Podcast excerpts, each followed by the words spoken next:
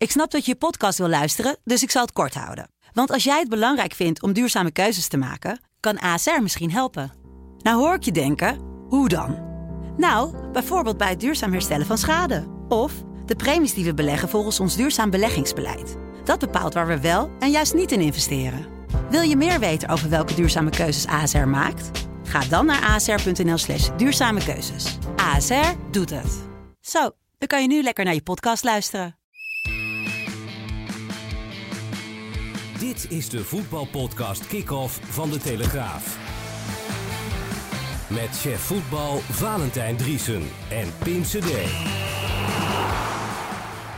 Welkom allemaal. En moet ik zeggen, met top oud, oud top scheidsrechter. Kom meteen nog niet uit mijn woorden. Zo, eh, zo eh, gespannen ben ik hier, eh, hierover. Ja, wij ook. Mario van den Ende. Ja, want er staat hier nogal wel een autoriteit eh, in de studio natuurlijk. Zitten, lekker voor de microfoon.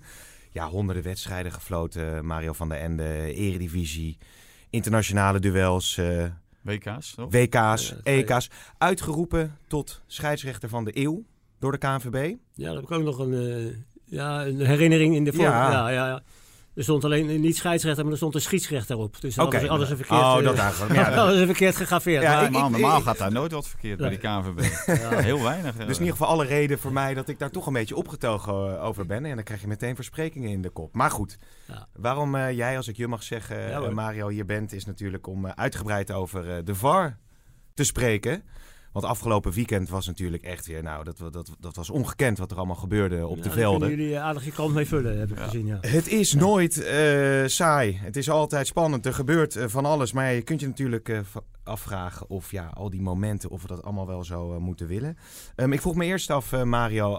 Had jij graag in deze VAR-tijden op het veld gestaan nog als scheidsrechter?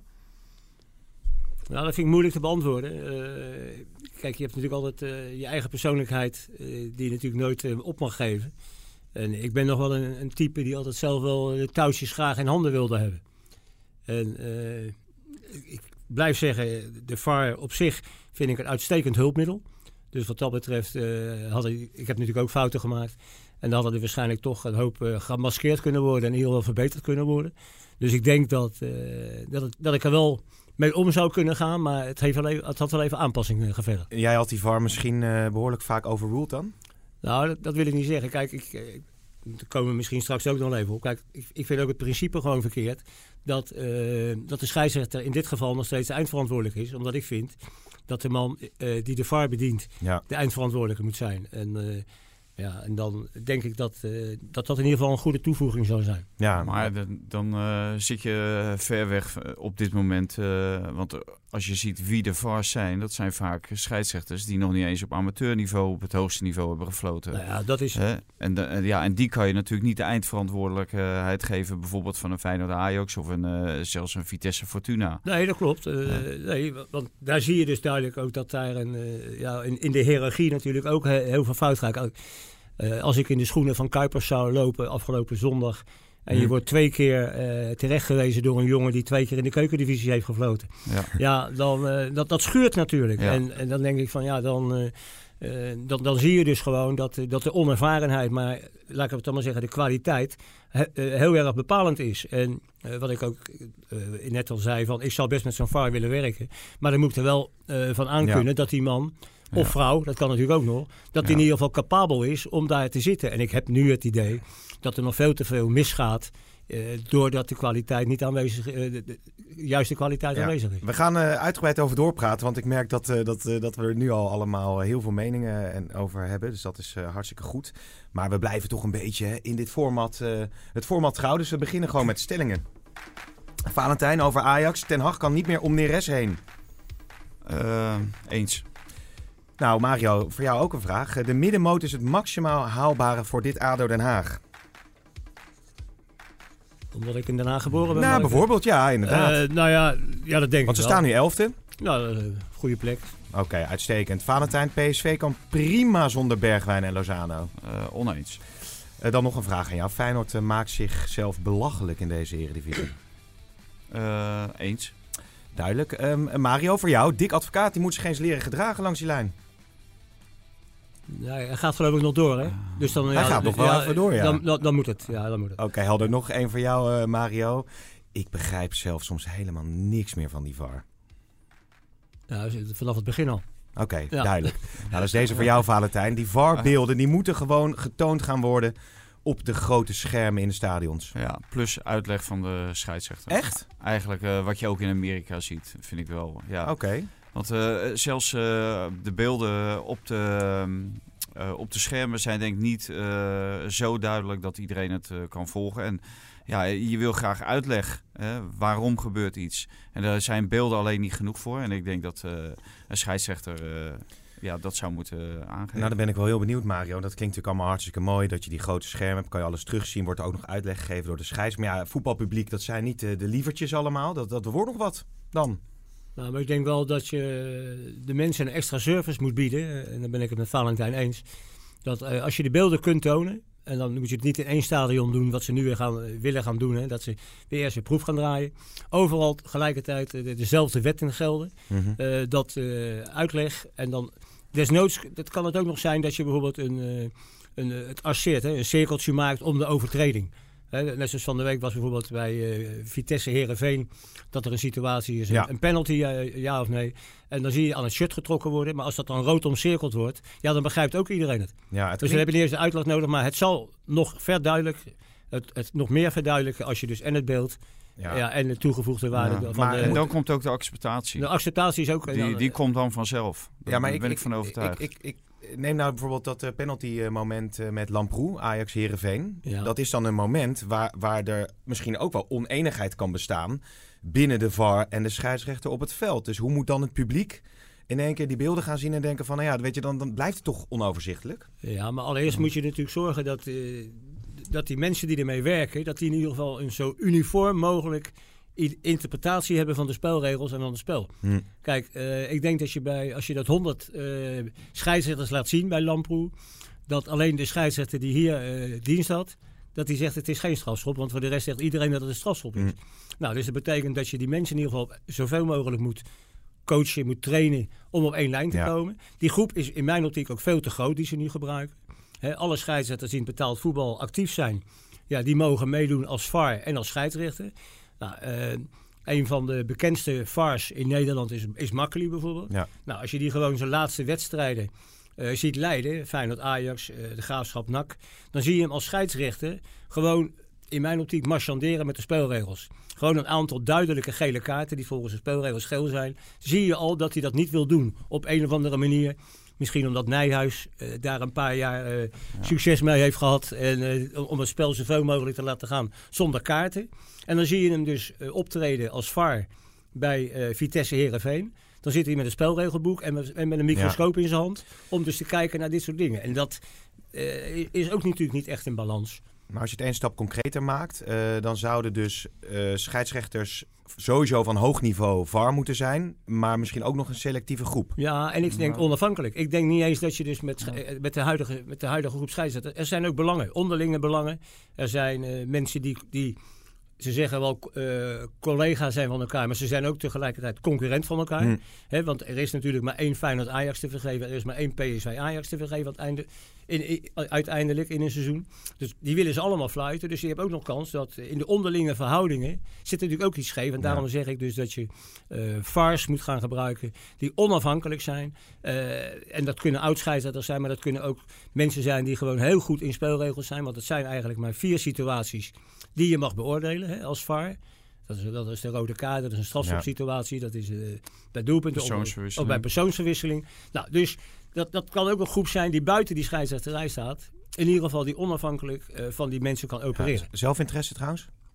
Eh, nou, niet zoals het nu gaat. Maar jij zou dan die, die oppervar kunnen zijn, misschien. Nou, dat, ja, maar goed, zo, zo kan je nog een aantal Nou, Nee, nee, nee, maar er zal nog een oud, oud aantal scheidsrechters die dat, die dat zouden Ja, kunnen. Oké. Maar dat- dat- nogmaals, Jij ook, eh, CD? Nee, ik zou dat ook- niet kunnen. Dus maar, nee, omdat je je spelregels niet Nee, maar eh, klinkt op orde heeft. nee, maar klinkt het Maar als een goed idee? Ook, eh, ja, ik vind het een heel goed idee. Ja. Alleen ik vind ook, eh, je moet de spelregels eh, moet je kennen. Ja. En dan Ja. moet je hem inderdaad eh, uniform eh, eh, toepassen.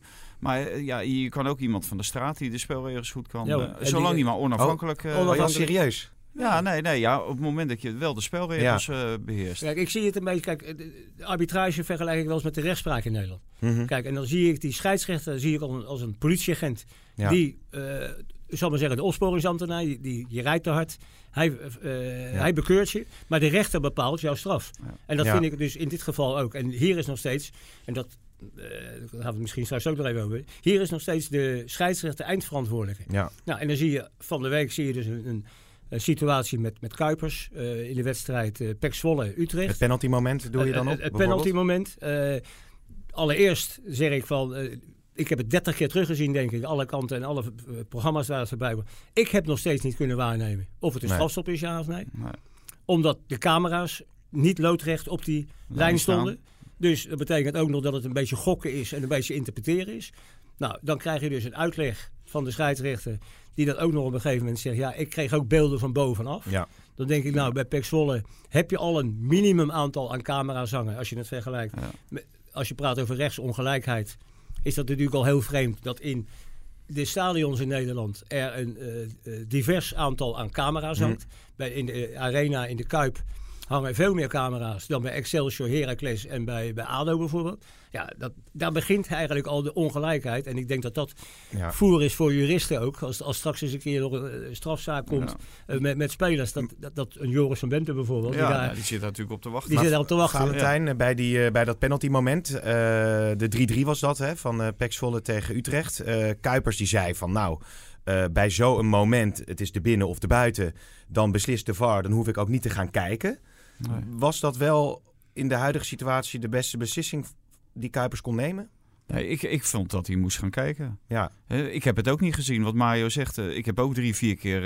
eh, ik vond dat die beslissing bijzonder snel werd genomen. Op zo'n dan manier. had hij kunnen zien dat je het niet zo makkelijk kunt zien. Ja. Ja. Nou ja, kijk, en, en er staat nog steeds dat de scheidsrechter eindverantwoordelijk is. Ja, Kijk, eh, hij neemt een beslissing in overleg met zijn assistent, die daar het dichtst bij staan. Hè, ze leggen die bal erbuiten. Eh ik denk dat als die bal gewoon, als die VAR niet had ingegrepen, dat niemand iets gezegd had. Nee.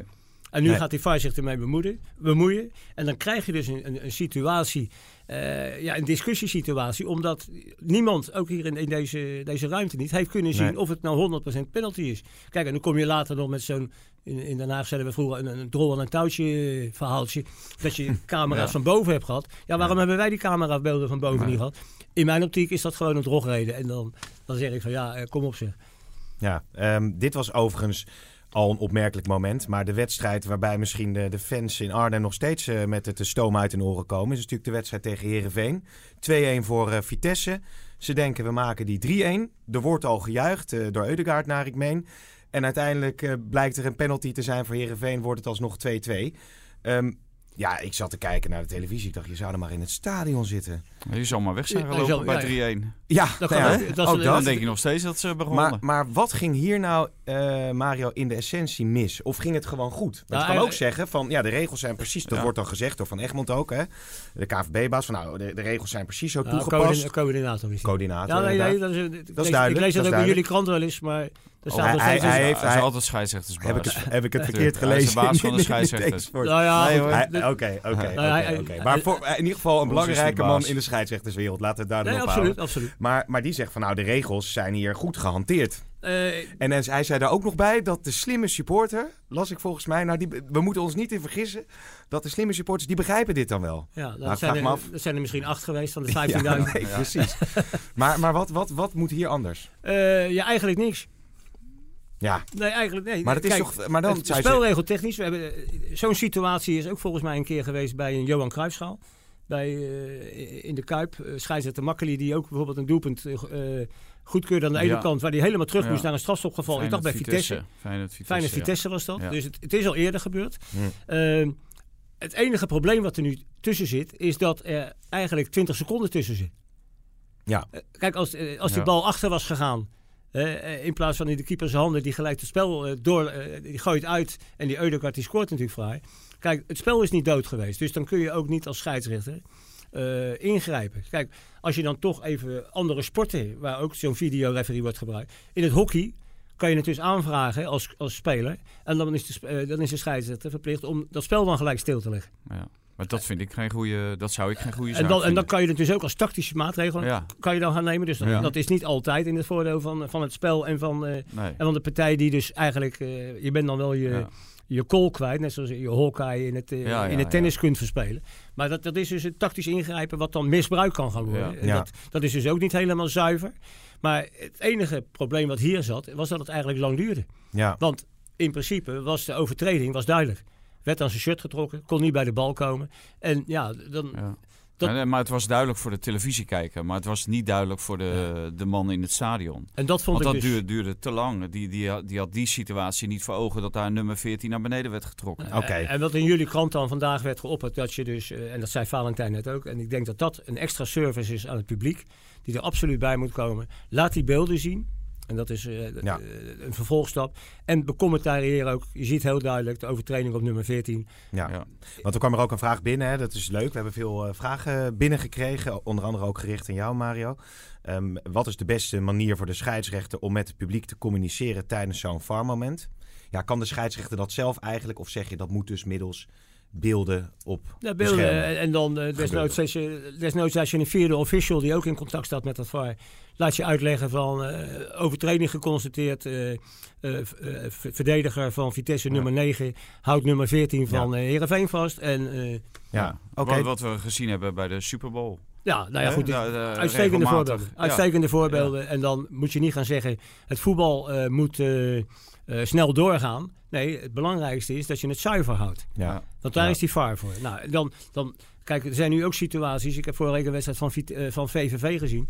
Dat duurde het zes, zes minuten voordat dat er een buitenspelgeval geval ja of nee werd beoordeeld. Ja. Ja, met, het was het ook min 2 graden. Hè? Ja. Dus wat dat betreft moet je niet het argument nemen van het kost te veel tijd. Ik denk dat zuiverheid, hè, of eerlijkheid, zoals Ja. ik, ik, noem het dan zuiverheid, dat dat, Ja. dat, dat gewoon bovenaan staat. Er kwam nog een vraag binnen, Mario, gericht aan jou. Eh, hoe kan het toch zo zijn bij de VAR dat er zoveel grijze gebieden zijn? Hè, wat betreft de beslissing van de scheidsrechters. Oh, je hebt enerzijds die overtreding van Malen gehad van PSV. Nou, daar werd van gezegd, dat is gewoon een zuivere eh, rode kaart. Nou, hij krijgt dan uiteindelijk geen rood. Je hebt bijvoorbeeld de overtreding van Emanuelson eh, gehad bij Utrecht. De VAR grijpt in. Het is een rode kaart. Ja, dat, dat is dus een grijs gebied. Je Nee, al- nee, nee, de- ja, ja, kijk, de mensen noemen dat een grijs gebied. Of was het gewoon twee keer rood? Dat is gewoon twee keer rood. Ja. Ja. Kijk, en ik, ik, ik ga bijna gruwelen als mensen zeggen van... eh, je hebt over een grijs gebied. Spelregels zijn volgens mij gewoon in zwart-wit Ja. gedrukt. En eh, ook in de rechtspraak, waarom is een rechter in het zwart-wit gekleed? Waarom was een scheidsrechter vroeger in zwart-wit gekleed? Omdat het gewoon zwart-wit is. Mhm. En dat grijze gebied, ja, ik weet niet welke mensen dat... Dat is hetzelfde. Ik hoor... eh, gisteravond hoor ik een eh, Nijhuis zeggen, bijvoorbeeld op, eh, in, in het programma bij, bij VI... Van, ja, en grijs, maar het is niet zwaar genoeg voor een strafschop. Nee. Een duw in de rug is niet zwaar genoeg. Dat staat volgens mij in de spelregels. Een duw in de rug. Kijk, van, van de situatie bij ADO Den Haag tegen Heracles. Dat, dat Valkenburg een bal in kan koppen. Krijgt een duw in zijn rug. Ja, dan hoor ik en de commentator zeggen... ja, dit is een 50-50 geval. Maar dan denk ik, heb je dan ooit gevoetbald... heb je wel eens een duw in je rug gehad... waardoor je niet bij die bal kan komen? Ja. Dan weet je gewoon dat dat een, een vaststaand feit is. En als je dat soort eh, ja, eh, opmerkingen gaat veralgemeniseren... dan krijg je dus inderdaad een grijs gebied en discussies... terwijl het helemaal geen discussie waard is. Helder, helder. We gaan door naar de titelstrijd. De titelstrijd. Ajax-PSV. Ja, Valentijn. Vorige week eh, was het natuurlijk eh, ja, de, de, de, de week eh, after de grote deceptie voor Ajax tegen Feyenoord. Ze hebben zich allebei, Ja, allebei, PSV niet verwachting, maar Ajax heeft zich hersteld. Naar verwachting toch. Ja, Ja. PSV heeft zich toch ook eh, redelijk hersteld. Die hebben het heel moeilijk gehad natuurlijk tegen Groningen. En nu eigenlijk eh appeltje eitje tegen Fortuna. Ja. Eh, geholpen eh, hè, met eh, de rode kaart eh, voor eh, die Fortuna-speler. Ja, maar dat vond, sorry, maar dat, dat vond Nee, ik wel dat- twee keer geel terecht. Alleen had natuurlijk eh, Ma- Mahler is die speler die... Ja, die- ja, ja. Die, had die, ook, die, die eh, over, die, had, die hadden daarvoor, had PSV natuurlijk al met 10 man moeten spelen. Ja. En dan krijg je het misschien toch weer een hele, misschien hè, ja, een hele ja. andere wedstrijd. Ja, maar goed, uiteindelijk was dat een gemakkelijke overwinning voor Dat eh, helpt, PSV. dat helpt natuurlijk Dat als je met ja. 11 tegen 10... eh, Ja. Bij Ajax, eh, er is veel over gesproken, keerde Tagliafico terug in de basis. Ehm, na afloop had hij een interview met Mike Verwij. I play always play uh, like like today. I I try to do my 100%, and yeah, may, maybe sometimes the the Dutch players they need a, a little bit more aggressive. Yeah. uh, and I try to I try to show this this aggressive. Ja, wel opmerkelijk wat hij zegt. Hij zegt, ehm, ik speel altijd zoals ik speel. En hij zegt, eh, Nederlandse spelers hebben misschien wat meer agressiviteit nodig. Terecht punt? Ah, je moet, eh, ten eerste moet je gewoon kwaliteit hebben. Je moet gewoon goed kunnen voetballen. Dat is het allerbelangrijkste. En agressiviteit, ja, tegen, tegen VVV hoef je geen agressiviteit te hebben. Want die moet je gewoon wegtikken. Ja, agressiviteit, dat, eh, dat woord komt altijd naar voren op het moment dat, eh, dat teams verliezen. Hè. Ajax heeft te weinig agressiviteit tegen Feyenoord. Ja, da- da- daar ben ik gewoon niet zo van. De eerste eh, 15 minuten hadden ze gewoon een gezonde agressiviteit. Of hadden ze gewoon eh, kwalitatief waren ze beter bij, bij Feyenoord. En, en dat maakt dan het verschil. En daardoor komen ze op 1-0 en hadden ze ook op 2-0 moeten komen. Het, het is vaak een, eh, een excuus, eh, agressiviteit. Het is heel makkelijk altijd voor spelers en Mm. trainers om dat te zeggen. Het is toch opmerkelijk dat, eh dat Tagliafico, een linksback, zo belangrijk wordt geacht voor dit Ajax. Of vind je dat Ja, wel wordt ook gemaakt. Wordt ook belangrijk gemaakt omdat je die wedstrijd toevallig verliest. En PSV Ajax was Matthijs de Ligt was er niet. Toen was Matthijs de Ligt weer eh, verschrikkelijk belangrijk. Zonder Matthijs de Ligt kon niet Hm. gewonnen worden. Hm. En nu Tagliafico. Dat, dat heeft gewoon... ja, dat, volgens mij heeft het eh, te maken met, met, het, met het totale elftal... wat eh, op dat moment gewoon eh, niet functioneert. Nee. En niet zozeer met één speler, want dat zou wel heel triest zijn. Kijk, ik kan me wel voorstellen als je Maradona uit een elftal haalt, dat dat wel een verschil maakt. Ja. Of Johan Cruijff, maar en niet Tagliafico of Matthijs de Ligt. Dat moet geen verschil uitmaken. En Neres, want daar hadden we die stelling over. Die heeft een enorm hoog rendement als Ja. hij invalt. Ja, nou ja, dat, dat is dus een. eh, eh, ja, dat, dat werkt in feite tegen hem. Want dan denken die scheids of die eh, trainers vaak. Hey, hoog rendement als invaller. Dus ik blijf hem gebruiken als, als invaller. En dat zie je bij Neres natuurlijk iedere keer. En dat was een tijdje was dat ook bij Donny van der Beek. Maar uiteindelijk eh, moeten dat soort spelers natuurlijk wel de kans krijgen die ze verdienen. En dan moet een trainer eh, durven optreden door bijvoorbeeld eh Tadic te wisselen. Het kan niet zo zijn dat je die altijd maar laat staan als die geen rendement Nee. heeft. Alleen die heeft ook een hoog rendement. En ik bedoelde eigenlijk bij Neres, die, die verdient een kans, zeg maar. Maar ja, die, die verdient gewoon een, een kans om... eh, eh, ja, om, gewoon eh, minuten te maken Ja. daar. Niet zozeer in de basis, die, die moet gewoon bij de groep blijven. En die verdient gewoon speelminuten. Oké, PSV dan. Inderdaad een eh, gemakkelijke overwinning. Daar hadden we de stelling over dat de PSV zonder Bergwijn en eh, Lozano kan.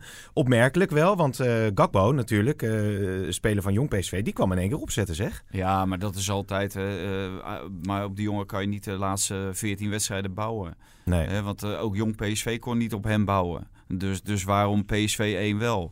En hij kan eh, excelleren, omdat er andere jongens rondlopen. Bijvoorbeeld de Luc de Jong, maar ook eh, misschien Hendricks, eh, eh, onze vriend Rosario. Dus ja, Ja. kijk, het niveau van PSV 1 ligt veel hoger. En Gakpo speelde volgens mij ook in de bekerwedstrijd tegen eh, RKC. En die werd eh, verloren door PSV. Dus eerst maar laten zien over een langere periode. En Bergwijn en Lozano hebben dat natuurlijk gedaan. En die hebben ook zich gemanifesteerd in de Champions League. Dus nee, daar geloof ik niet zo in. Nou wordt eh, Dick Advocaat eh, genoemd, Mario, eh, misschien wel als nieuwe trainer van, van Feyenoord hè, volgend, volgend seizoen. Of dat allemaal gaat gebeuren, dat moeten we natuurlijk nog maar afwachten. Maar als je hem dan zo ziet, hij heeft nu vijf duels op rij verloren bij FC Utrecht. Nou ja, de VAR-gebaartjes die maakte die, hij, hij verdedigde Bazoer opzichtig, terwijl hij de vierde official had aangeraakt. Wat, wat, wat, wat vind jij van dat, van dat gedrag? Me- Mede, mede Hagenaar Hagenees? Nou ja, ik, eh, Want wat zeg je eigenlijk, Hagenaar of Hagenees? nou ja, hij is Hagenees, ik Hagenaar. Oh ja, dat, ligt ja, er, ja. Nee, dat ligt er ook aan waar je Waar je- geboren, waar je geboren bent, hè, op het veen of op het zand. Eh, maar ik ken Dick eh, ja, inmiddels eh 50 jaar en het is nog steeds Dick. En een heleboel mensen vinden dat een kwaliteit. En ik denk, ja, als je nou alles hebt meegemaakt wat hij heeft meegemaakt. En je staat daar nog steeds als een, als een klein driftkikkertje. Dan denk ik, volgens mij mag je ook wel een beetje boven de materie gaan staan. En dat, eh, dat vind ik wel jammer. Dat, eh, want eigenlijk wordt hij dan weer weggezet eh, op, op zijn manier en hoe hij zich gedraagt. Hm. En dan kan je zeggen, ja, blijf dicht bij jezelf. Dat, dat is inderdaad een kwaliteit. Maar ik denk in dit geval ben, je- heb je ook nog een, een, een soort voorbeeldfunctie naar je, naar je spelers en naar je supporters toe. En dan denk ik van, Ja. Ja een, een klein beetje, een onsje minder, dat zou wel mogen. Ik zei, eh, de stelling Feyenoord maakt zichzelf belachelijk in de Eredivisie. Maar Valentijn maakt Dick Advocaat zichzelf belachelijk in de Eredivisie op deze manier? Nou, op, op deze manier zeker. Nou, Kijk, en Dick die moet eh, gewoon zorgen dat eh SC Utrecht wedstrijden wint. En die, die moet zich niet verlagen tot, tot dat gedrag langs de lijn. eh, één. En, en die moet geen olie op het vuur gooien. En zeker niet bij spelers die, eh, ja, die al heel veel moeite hebben met zichzelf. Dat eh, blijkt ook wel eh, bij Bazoer. Dus daar, daar moet hij eerst eh, werk van maken. En als hij daarna nog wel wat roept of wat zegt. Maar ik vond het echt ja, beneden alle pijl. Nou, ik, ik, verbaasde me, ik verbaasde me over zijn reactie richting de voetbalbond na afloop van de, weet je, dat, dat er niks klopte. En, Ja, en dan denk ik van ja, als dat bijvoorbeeld een trainer van Emmen zou roepen, dan, dan, ja, ja. dan had hij waarschijnlijk al een keer even zijn oren eh, getrokken. Door, Ja. ja. Ja. Maar over dat eh, belachelijk maken. Nou ja, het is in eh, Rotterdam natuurlijk één groot feest geweest eh, na de glansrijke overwinning tegen Ajax. Nou, uit eh, bij Excelsior, kunstgas van Persie-tribune. ja. Hè? Ja, ja, ja. Zaten wat chagrijnige, Ja, ja, ja, uiteindelijk ja. vrolijke Excelsior Nou, ik heb gisteren toevallig een column gelezen van, eh, van mijn buurman. En dat is niet Ja. om een paar veren in zijn kont te steken, want dan loopt hij misschien nog moeilijk weg ook. Mag Maar- altijd natuurlijk. Nee, nee, maar dat ging, dat ging over, over Van Persie. En eh, laten we blij zijn dat, eh, ja, dat zo'n man met zulke kwaliteiten, exceptionele kwaliteiten, die geëerd wordt met een tribune. We hebben dat bij PEC Zwolle in het verleden ook gehad met de Johan Cruijff tribune. En die, Ja. eh, ik geloof dat uh, Cruijff alleen de uitwedstrijden speelde bij PEC Zwolle. Dus eh, wat dat betreft denk ik dat het ongelooflijk is dat, eh, dat hier nog over gediscussieerd wordt dat zo'n tribune weg moet. Duidelijk. Denk je niet dat hij van Persie af en toe zijn grijze haren uit zijn hoofd wil trekken van het spel van zijn teamgenoten? Want dan, dan de, de ene week eh, maak je 50.000 fans gelukkig en dan ga je naar Excelsior. Nou, dat En deed dan- hij dan- natuurlijk ook. Dat deed hij ook Ja. eh, na afloop. Maar hij- daar is hij zelf natuurlijk wel een onderdeel van. Hij is onderdeel van het team. Dus hij is ook verantwoordelijk voor wat het team presteert. En hij heeft het dus ook niet voor elkaar gekregen. En hij staat dan nog in het veld om dat team op een bepaalde manier te motiveren. Om daar wel eh, gewoon drie maar punten waar te pakken. zit het en hem dan in? toch maar met 1-0 eh, voor. Waar zit het hem in, eh Valentijn? Want, het, Nou, want ik denk ook nog steeds Feyenoord voetbal- moet toch gewoon Excelsior kunnen verslaan? Ja, ja, maar ik denk dat het ook nog steeds een eh voetbaltechnisch of tactisch verhaal is. Dat Feyenoord gewoon heel veel moeite heeft om het spel gewoon te maken. En de, als, als dat wat, minder gaat, en, dan, dan zie je dat er allerlei organisatorische zaken fout gaan. Want dat zag je ook in de slotfase. Ja, de- dus op dat moment is, eh, ja, is, is er, hè, ze noemden het woord mindset. Mhm. Hè, de mindset Ja. was goed door de week, maar de mindset tijdens de wedstrijd is gewoon niet goed. Hoor. Kijk, op het moment dat iets niet lukt, dan moet je je wel gewoon aan je taken houden. En, Ja. dat, en dat gebeurt niet. We gaan eh, naar eh, Vraag het Valentijn. Vraag het Valentijn. Ja, er was één speler bij eh, AZ. Die maakte heel veel indruk. Stenks, bij zijn uh, ja, randrij Ja. is nog niet, hij is natuurlijk lang geblesseerd geweest. Ja. Nu kwamen er vragen op van eh, twee mensen van, nou, mo- mo- moet hij niet naar Ajax eh, volgend seizoen? Misschien ook PSV. Moet zo'n speler als Calvin Stenks volgend jaar niet gewoon bij Ajax PSV voetballen? Nou, normaal gesproken zou ik eh, direct ja zeggen, maar omdat hij nu eh, ja, ruim een jaar eh, buiten beeld is geweest, hè, anderhalf jaar eh, eigenlijk blessureleed gehad heeft, eh, kan het eh, misschien helemaal geen kwaad om eh, juist eh, die eh, periode bij AZ nog eh, te verlengen, nog één jaar bij Hmm. AZ te blijven. En dan eh, zou een, eh, een stap naar eh, Ajax PSV zou mogelijk zijn, maar misschien is dan ook wel een stap naar eh, een nog grotere club of internationaal Ja, wel aan de orde. En ik denk dat hij bij AZ sowieso altijd zal spelen. En bij PSV en Ajax moet je het afwachten. Omdat ja, die gaan, Ajax zeker, die gaan natuurlijk spelers kopen. Maar die hebben ook een aantal spelers. Neres zit ook op de bank bij Ajax. Dus daar moet Ja. je iedere week presteren. En dan is Stenks misschien een speler eh, waarvoor je ook andere spelers nodig hebt. Hè, om hem te ontlasten van bepaalde arbeid. En of ze dat bij Ajax en PSV doen, dat vraag ik me nog af. Inter is maar een voorbeeld neem ik aan, toch? Of heb jij weer iets in de wandelgangen gehoord over Nee. Oké, Nee, oké. Nee, nee, maar het, dat zou wel een hele verkeerde Ja. keuze zijn. Ja, we, we, gaan, eh, we gaan afronden. Ik wil nog eventjes een soort eh VAR-conclusie trekken, Mario. We hebben hier nu eh, een klein half uurtje gesproken. Dus eh, er moet een eh, speciale opleiding eigenlijk voor VARs komen. Ja. Onafhankelijke Ja. opleiding. Het moet elkaar niet beconcurreren. Ja, Het liefst, het liefst van, een, van, een, van een hoog niveau. Nee, eh, Het hoogste eh, niveau. Het hoogste ho- niveau. hoogste niveau. Kijk, dus eh, dus kijk, categorie Mario van der Ende. Nou ja, dat, dat zeg jij. Oké. Eh, nee, maar goed, maar kijk, dit, dit project heeft bijvoorbeeld al 6 miljoen euro gekost. ja. En dan denk ik, ja, als ik eh gudder zou zijn en ik, eh, dan zou ik af en toe, eh, tenminste af en toe, met grote regelmaat achter mijn oren krabben. Van hebben we Ja. het wel goed gedaan. Kijk, ze verschuilen zich ook nog heel vaak over kinderziektes. Ja, iedereen vergeet dat we vanaf eh, september 2016 bezig zijn met de VAR. Hm. Dan denk ik, wat hebben we dan in die twee jaar gedaan om eh, zo aan Ja. de start te verschijnen? Het wordt tijd om door te pakken. In ieder geval ook duidelijker maken, transparanter voor het publiek. Bijvoorbeeld grote schermen en uitleg. Ehm, en dan ben ik het laatste punt nog even kwijt wat we nou, eh, wat we nou hadden bedacht. De- Oh ja, de VAR is uiteindelijk altijd eh, eindverantwoordelijk en niet de scheidsrechter. Nou, dat heb je, veld. je hebt wat opgestoken. Ben ik geslaagd voor dit college? Ja, ja, ja, eh, Helemaal. Mario. helemaal. Ik zal het nog een keer uitschrijven voor je. Ja. Godverdorie zeg. Valentijn, jij natuurlijk bedankt. Mario van Ende, heel fijn dat je bij ons in de podcaststudio eh, Graag wilde komen. En we hopen je eigenlijk snel eh, weer eh, te spreken Nou, als er hoop- aanleiding toe is. Ja, ja, dan hoop ik ook een keer als we bijvoorbeeld zeven hele goede voorbeelden hebben. denk ik. Gaan we dat doen? Ja. Dank Nog jullie heel wel. lang duren. Oké.